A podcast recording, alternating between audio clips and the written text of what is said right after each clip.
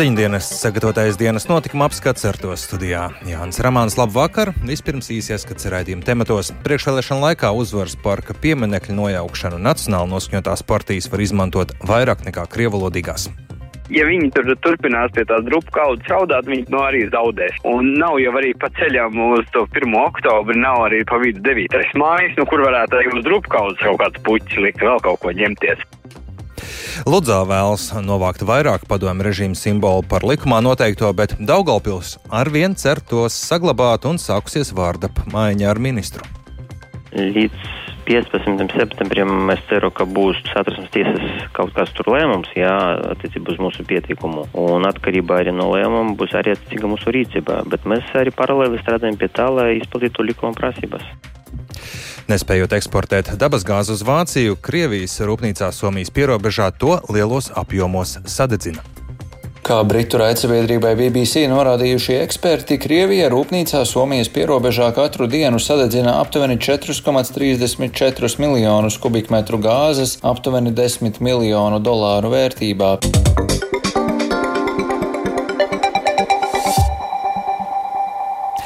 Vai un kā uzvaras parkā esošā pieminekļa nojaukšana varētu ietekmēt priekšvēlēšanu debats un vēlēšanu iznākumu, ir grūti prognozēt, tā vērtē politikas norišu vērotāji. Krievalodīgajām partijām vēl būs jādefinē savu vēstījumu, tomēr maz ticams, ka jautājums par pieminekli būs aktuāls visu atlikušo laiku līdz saimnes vēlēšanām. Vairāk par to Jāņa Kīņš sagatavotajā ierakstā. Šovasar Tirgus un sabiedriskās domas pētījuma centrs SKDS aptaujās noskaidroja, ka no ģimenē krieviski runājošajiem Latvijas iedzīvotājiem ap 40% cilvēku nosoda Krievijas izvērsto brutālo karu Ukrainā. Vienlaikus vairākums no respondentiem ap 60% neatbalstīja uzvaras parkā esošā pieminekļa nojaukšanu. Tagad piemineklis ir nogāsts, un jāpieņem, ka sabiedrības daļa, kas iestājās par tā saglabāšanu, samierināsies ar notikušo. Tomēr no vasarā veiktā pētījuma datiem grūti izvērtēt, kādu ietekmi šis šis process varētu atstāt uz vēlēšanām. Vēl viens papildus traucēklis atbildēt uz šo jautājumu, te jau piektā daļa krievalodīgo respondentu izvairījās no konkrētas atbildes, tāpēc arī par ietekmi uz vēlēšanām var runāt vien teorētiski. Sarunā Latvijas radio atzina SKDS direktors Arnis Kaktiņš. Pastāv tāda iespēja. Nu, vēlēšanas rādīs. Cilvēki varbūt paklusē, patur mēlē aiz zobiem, un visu aptāju lietu viņi jau tomēr lielā mērā balstās uz to, ka, nu, ir, ir runas brīvība, ir atklātība, cilvēki vaļsirdīgi, godīgi saka to, ko viņi domā, jā. Ja? Ja mēs zinām, ir pamats domāt, ka viņi vairs nesaka, nav vaļsirdīgi un nesaka godīgi, ko viņi domā, tas nozīmē, ka, nu, tu nevari vairs tur visas tās atbildes ņemt pa tīru mantu. Tā Latvijā ir salīdzinoši jauna situācija. Pieminekļa demontāžas procesā publiskākā seja ir Rīgas mērs Mārtiņš Taķis no parprogresīvo frakcijas, kurš saimas vēlēšanās nekandidē. Turklāt par padomju pieminekļa nojaukšanu lēma valdība un saima bet Rīgas pašvaldība organizējot pieminiekļa nojaukšanu ir tikai šī uzdevuma izpildītājs. Pieminiekļa nojaukšanas kontekstā lielākajos zaudētājos politiķu vidū varētu būt nonākusi partijas saskaņa, kuru retorika pēdējās nedēļās atšķirībā no agrākajiem laikiem bijusi teju nemanāma. Tā vērtē politologs Latvijas Universitātes profesors Ojārs Skudra. Vienlaikus pieminiekļa nojaukšanu visticamāk vēl bieži pieminēs nacionālās partijas, bet iespēju par to runāt noteikti izmantos arī krievalodīgie kandidāti priekšvēlēšanu debatēs, tad, kad sāksies runa par valsts nāciju, politisko nāciju un, un, un latviešu nāciju, ka tur eh, es pieļauju, ka teiksim, gan Krievijas Savienība, gan stabilitātei, nu, tur, kur viņus aicinās tajā diskusijā, ka viņi teiks, ka tas principā ir akts, kas apstiprina latviešu nācijas kā valsts nācijas prioritāti un tām krievu ģimenēm, kurām tur ir radinieki kritušie otrā pasaules kara gados, ka tas nevienu neinteresē un tas tiek ignorēts. Pēc pieminiekta nojaukšanas nepieaugot kiberuzbrukumiem un citiem riskiem šis jautājums visai ātri zaudēs aktualitāti, tāpēc maz ticams, ka tā noturēsies vēl visu atlikušo vairāk nekā mēnesi līdz vēlēšanām. Tā uzskata politikas vērotājs aģentūras mediju tilts vadītājs Filips Rejevskis ja viņi tur turpinās pie tās drupu kaudzes raudāt, viņi no arī zaudēs. Un nav jau arī pa ceļam uz to 1. oktobri, nav arī pa vidu 9. mājas, nu kur varētu arī uz drupu kaudzes kaut kāds puķis likt, vēl kaut ko ņemties. Arī tā raudāšana uz drupu kaudzes, cik viņu saprāts un tālredzība strādās, lai, lai viņi saprastu, ka tā raudāšana uz drupu kaudzes viņu vēlētājiem galu galā ir neinteresanti, jo nu, ne jau viņi to drupu kaudzi apakaļ var pa to stabu pārtaisīt. Pieminekļa redzamākās daļas nojaukšana bija šī notikuma kulminācija, un nu būtu jāiestājas mierīgākam periodam. Ar šo notikumu neapmierinātajiem atlikšot vien samierināties. Jānis Kincis, Latvijas Radio. Ne visām pašvaldībām tik ātri izdodas atbrīvoties no padomju pieminekļiem, kā to paveic galvaspilsēta. Ir pašvaldības, kurās nepieciešamas papildu procedūras, lai aizvāktu padomju režīmu slavenošos objektus, tikmēr citviet vietvar pati sev rada birokrātisko slogu un sarežģījumus. Lai kā process ritētu, visām pašvaldībām pieminekļi jādemontē līdz 15. novembrim. Plašāk Lindas Spundiņas ierakstā. 23 pašvaldībām jādemontē kopumā 69 padomju nacistisko režīmu slavinoši pieminekļi, piemiņas zīmes, piemiņas vietas un citi objekti. Vakar Rīgā gāsts viens no lielākajiem padomju režīmu simboliem, taču citās vietverās likumā noteiktais process tik ātri nenotiek. Zināms, ka Daugopils doma jūnija beigās nolēma vērsties satversmes tiesā, apstrīdot pieņemtā likuma pantus par pieminekļu demontāžu. Likums paredz, ka pašvaldībai būtu jāatbrīvojas no diviem objektiem līdz 15. novembrim. Satversmes tiesa nedēļas sākumā paziņoja, ka pagarinās pieteikumu izskatīšanas termiņu līdz 15. septembrim. Un atkarībā arī no lēmuma būs arī attiecīga mūsu rīcība, bet mēs arī paralēli strādājam pie tā, lai izpildītu likuma prasības. Pašlaik esam tādā stadijā, ka gandrīz esam saņemuši visas atbildes no valsts institūcijām palika tikai atbildi sagaidīt no Latvijas okupācijas muzeja par to vietu, uz kuriņu mums būs jānogada pieminekļa saglabājuma daļa. Un tad sludināsim iepirkumu, un tad viss sāksies. Skaidro pašvaldības juridiskā departamenta vadītājs Ruslans Golovans. Kamēr Daugopils ar pieteikumu tiesāts ar saglabāt divus pieminekļus, Ludzas novads, kas atrodas Krievijas pierobežām, plāno demontēt vēl vairāk padomju režīmu slavinošus objektus nekā valsts prasa. Turpina novada domas priekšsādātājs Edgars Mekšs no Zaļo un Zemnieku savienības. Mums ir seši objekti, ko apstiprināja ministru kabinets eh, uz nojaukšanu. Vēl mēs demontāžu neuzsākām, bet tur tie tādi objekti, ko mēs varēsim nojaukt saviem spēkiem un lielus finanšu līdzekļus nav vajadzīgs nekādus iepirkumus veikt, neko. Ja? Viņi ir apsekoti un mēs tikai tuvākā laikā organizēsim darbus. Paralēli mēs eh, arī izvērtējam nu, vēl objektus, jo to pietiekoši daudz, kuri varētu kvalificēties. Vai tas ir septembris jautājums? Es domāju, ka jā. Trešdien Liepājā viens no trim demontējumiem objektiem ir novākts, teica domas izpildirektora vietnieks būvniecības jautājumos Didis Jēriņš. Atlikušie atzīti par kultūra vēsturiskiem objektiem, tāpēc šobrīd priekšā ir vēl papildu darbi. Viņiem bija jāveic 3D skanēšana, kas ir veikta. Ir veikta arī cena aptauja, lai noskaidrotu projektētājus. Līgums ar projektētiem ir noslēgts un ir projektētājiem jāsagatavo paskaidrojuma raksts darba organizācijas projekts ar darba apjomiem. Viņam ir jāsagatavo arī labiekārtojuma projekts, kā šī vieta izskatīsies pēc demontāžas. Pēc tam ir jāveic cenu aptauja par demontāžu, un tad uh, būtībā var sākt demontāžas darbus. Jāatgādina, ka demontāža jāīsteno līdz 15. novembrim. Likums neatiecas uz objektiem, kuri atrodas karā kritušo karavīru abadījumu vietās, kā arī padomju vai nacistiskā terora upuru piemiņas vietās. Linda Spundiņa, Latvijas radio. Jāpiebilst, ka vidas aizsardzības un reģionālās attīstības ministrs Artūrs Toms Plešs vēstulē Daugopils domas priekšsētājiem Andriem Elksņiem pieprasīs abu Daugopils pieminekļu demontēšanas grafiku. Elksniņš sociālā tīklā Twitter publicējis atbildi ministram, kurā norāda, ka pašvaldība sniegs atbildi 20 dienu laikā, taču jau uzreiz uzsver, ka saimas lēmumam nojaukt pieminekļus nav sekojusi pienācīgi valdības noteikumu un arī nauda. Līdz ar to esot nekorekti prasīt pašvaldībai kādus skaidrojumus. Thank you.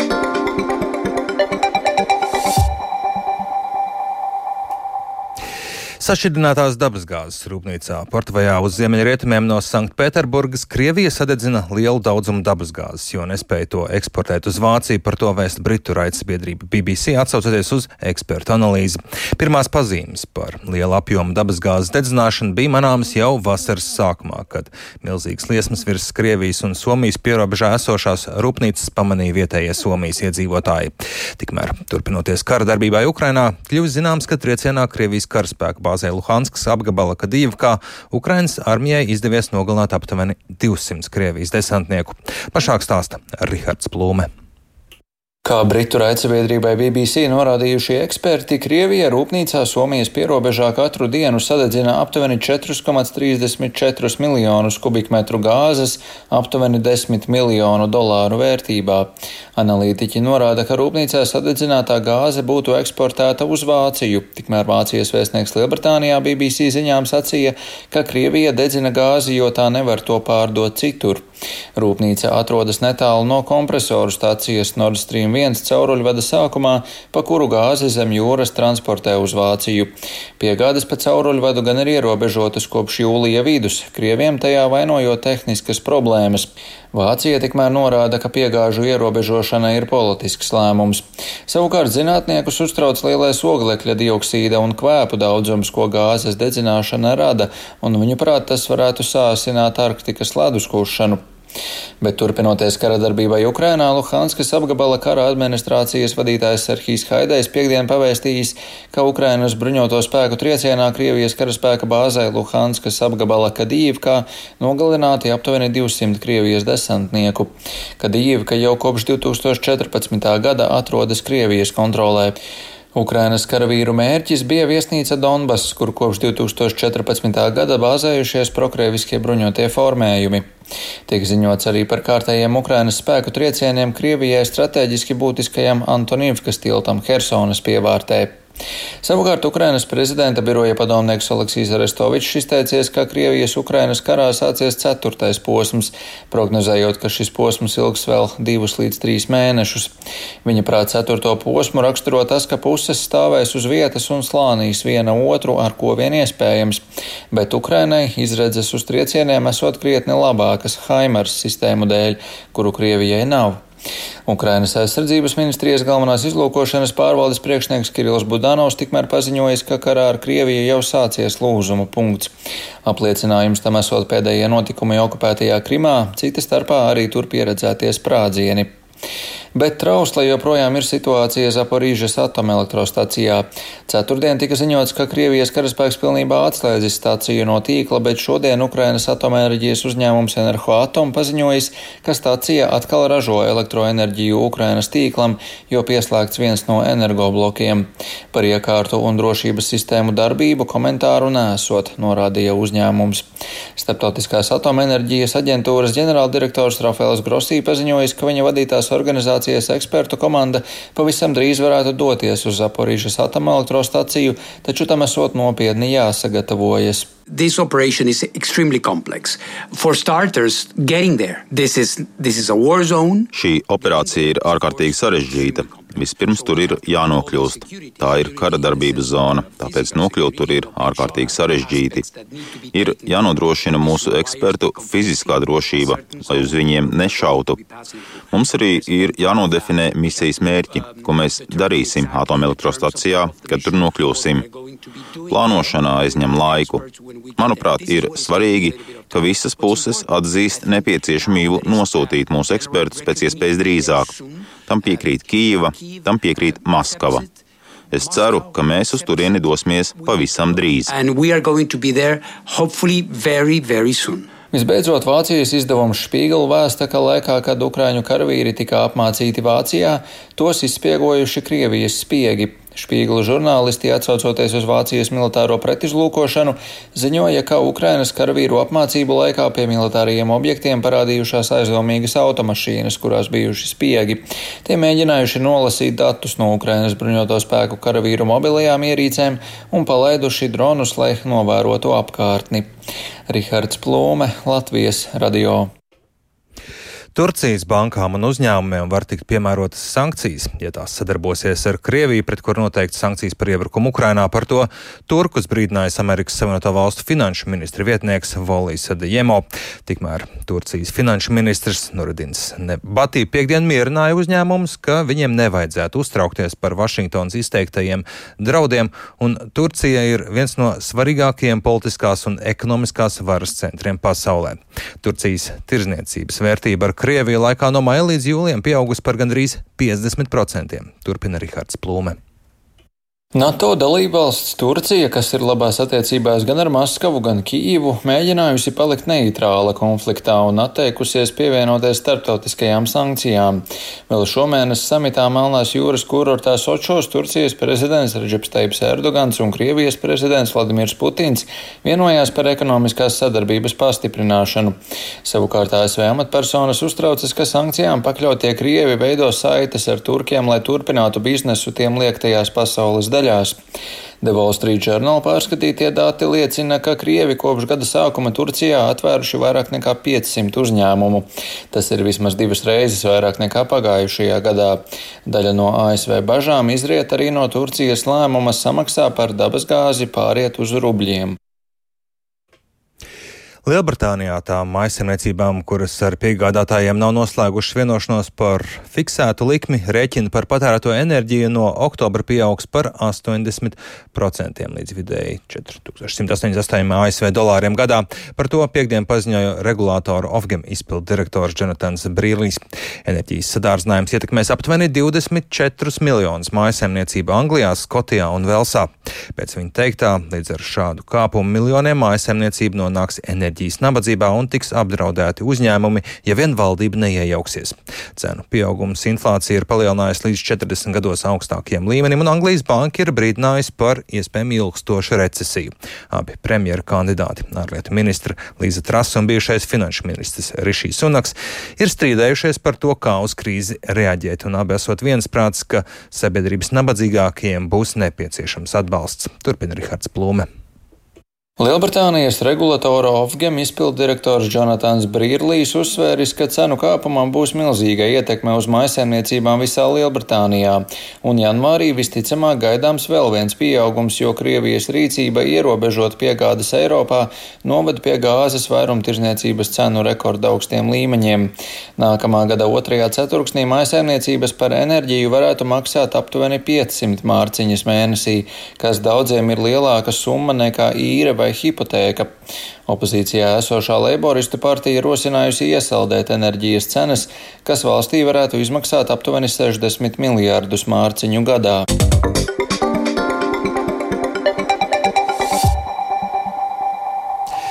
Pirms pieciem gadiem sabiedriskie mēdīji stāstīja par bērniem, kas dzīvo speciālajās bērnu aprūpas iestādēs, jeb tā saucamajos bērnu namos. Tika veidot speciāli ieraksts, sērijas sistēmas bērni, tā rezultātā veidots dažādas sociālās kampaņas, uzlabots atbalsts auģu ģimenēm un aizbildņiem, tostarp arī krietni samazināts bērnu skaits bērnu aprūpas iestādēs. Tomēr šobrīd temats pieklusis un tādējādi arī krietni samazinājusies ģimeņu interesi par bērnu adopciju vai uzņemšanu auģu ģimenēs. Plašāk Agnijas Lazdiņas ieraksts rakstā. 2017.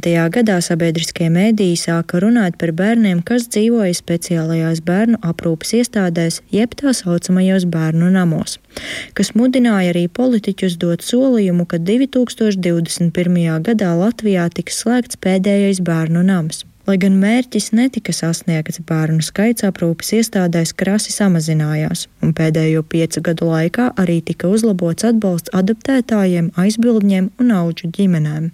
Tomēr sākoties Covid-19 pandēmijai, Krievijas iebrukumam Ukrainā, inflācijai un citām problēmām, temats pamazām ir izzudis no politiķu dienas kārtības, mazāk tiek taisītas sociālās kampaņas un arī cita veida uzmanība, kas sākotnēji tika veltīta šim jautājumam, vairs nav tik liela. Tādējādi sabiedrība no temata pamazām novērsusies, un šobrīd ir krietni samazinājusies ģimeņu interese par bērnu adopciju vai uzņemšanu auģu ģimenē.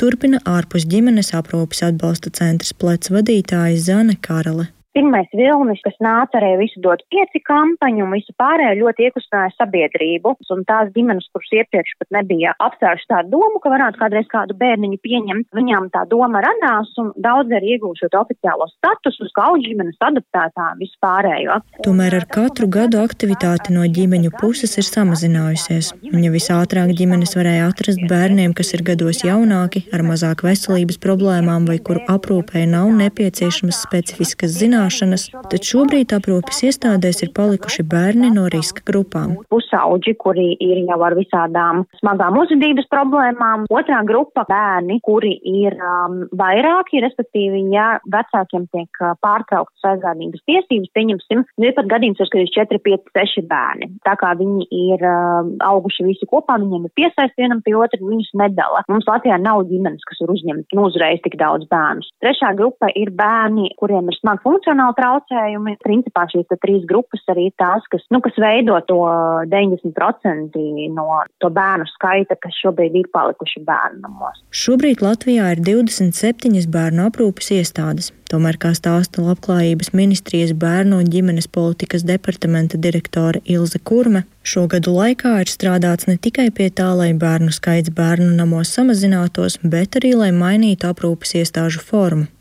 Tās pārtaisot par daudz mazākām institūcijām, kas pietuvinātas ģimeniskai videi. Proti, no nākamā gada bērnu aprūpes iestādēs tiks samazināts aprūpes personāls, kas darbojas ar bērniem, un šāda veida iestādēs nedrīkstēs būt vairāk par 24 bērniem. Tas, ko redzam katru gadu šie ārti ģimenes aprūpē esošie bērnu skaits turpina, protams, samazināties, bet joprojām aptuveni 514 bērni Latvijā. Tie ir dati uz tātad šī gada 1. janvāri atrodas bērnu namos, bet, nu, ja salīdzinām šies 5 gados, tas ir samazinājums par šiem 60%. Tāpat arī no 2024. gada ir plānots ieviest profesionālās specializētās auģu ģimenes bērniem un jauniešiem ar atkarību un uzvedības traucējumiem. Agni Agnija Lazdiņa speciāli Latvijas radio.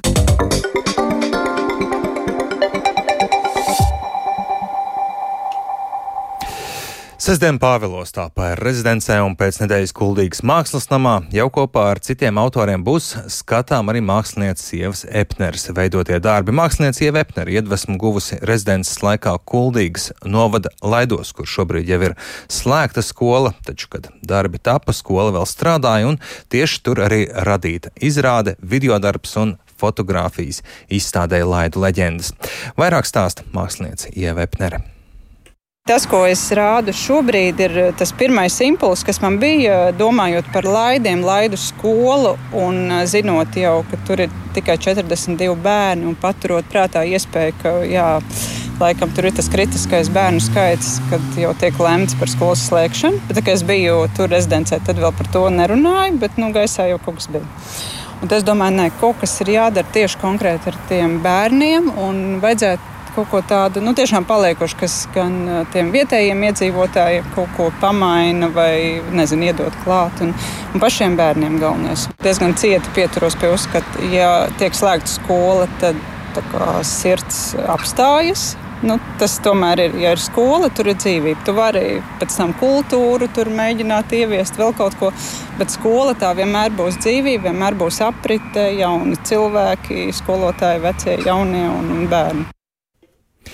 Un vēl sērvēsts. Šorīt mūža miegam acis aizvēra igadējais liepājas laikraksta redaktors, daudz grāmatu autors, žurnālists, publicists, goda liepainieks Anģels Remes. Kopš 1960. gada Remes darba mūžs bija saistīts ar liepājas pilsētas laikrakstu. Savulaik komunistu, tad kurzemes vārdu, kur redaktoru godā viņš bijis daudzus gadus izaudzinot nevienu vienu žurnālistu paudzi. Līdz ar Anģela Remes aiziešanu beigusies vesela ēra liepāja žurnālistikā, tā sacīja izdevniecības kurzemes vārds vadītājs Ints Grasis. Ir aizgājis tiešām liels cilvēks, ir apbrīnojams viņa asais prāts līdz pat uh, mūža pašai pēdējai dienai. Šonadēļ, otrdienā, kurzems vārdā bija viņa pēdējā publikācija, politiskais apskats piepriekšējo nedēļu. Tas, kā viņš mācīja analizēt, tas, kā viņš saglabāja savu dzīves prieku, Faktiski viņš ir liepājis vēstures encyklopēdija. Nu, tā ir fantastika. Viņš ir tiešām uh, audzinājis un palīdzējis izaugt ne tikai kā žurnālistiem, bet arī kā cilvēkiem. Daudziem mums redakcijā mēs esam tiešām zaudējuši. Zaudējuši labu humoru, apeltītu žurnālistu, publicistu, ilgadēju redaktoru, tagad godu redaktoru, daudzu grāmatu autoru. Viņa ražība, ražība mūža nogalē ir vienkārši pārsteidzama.